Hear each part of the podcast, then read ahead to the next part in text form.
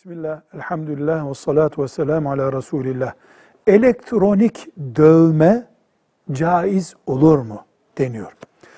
Dövme bir daha giderilemeyecek şekilde insan derisine şekil vermenin adıdır. İğneyle veya başka bir şekilde. Şimdi daha önce iğneyle delinerek, kan akıtılarak yapılan şeyin elektronik bir yöntemle yapılmış olması dövmenin haram olmasını değiştirmiyor.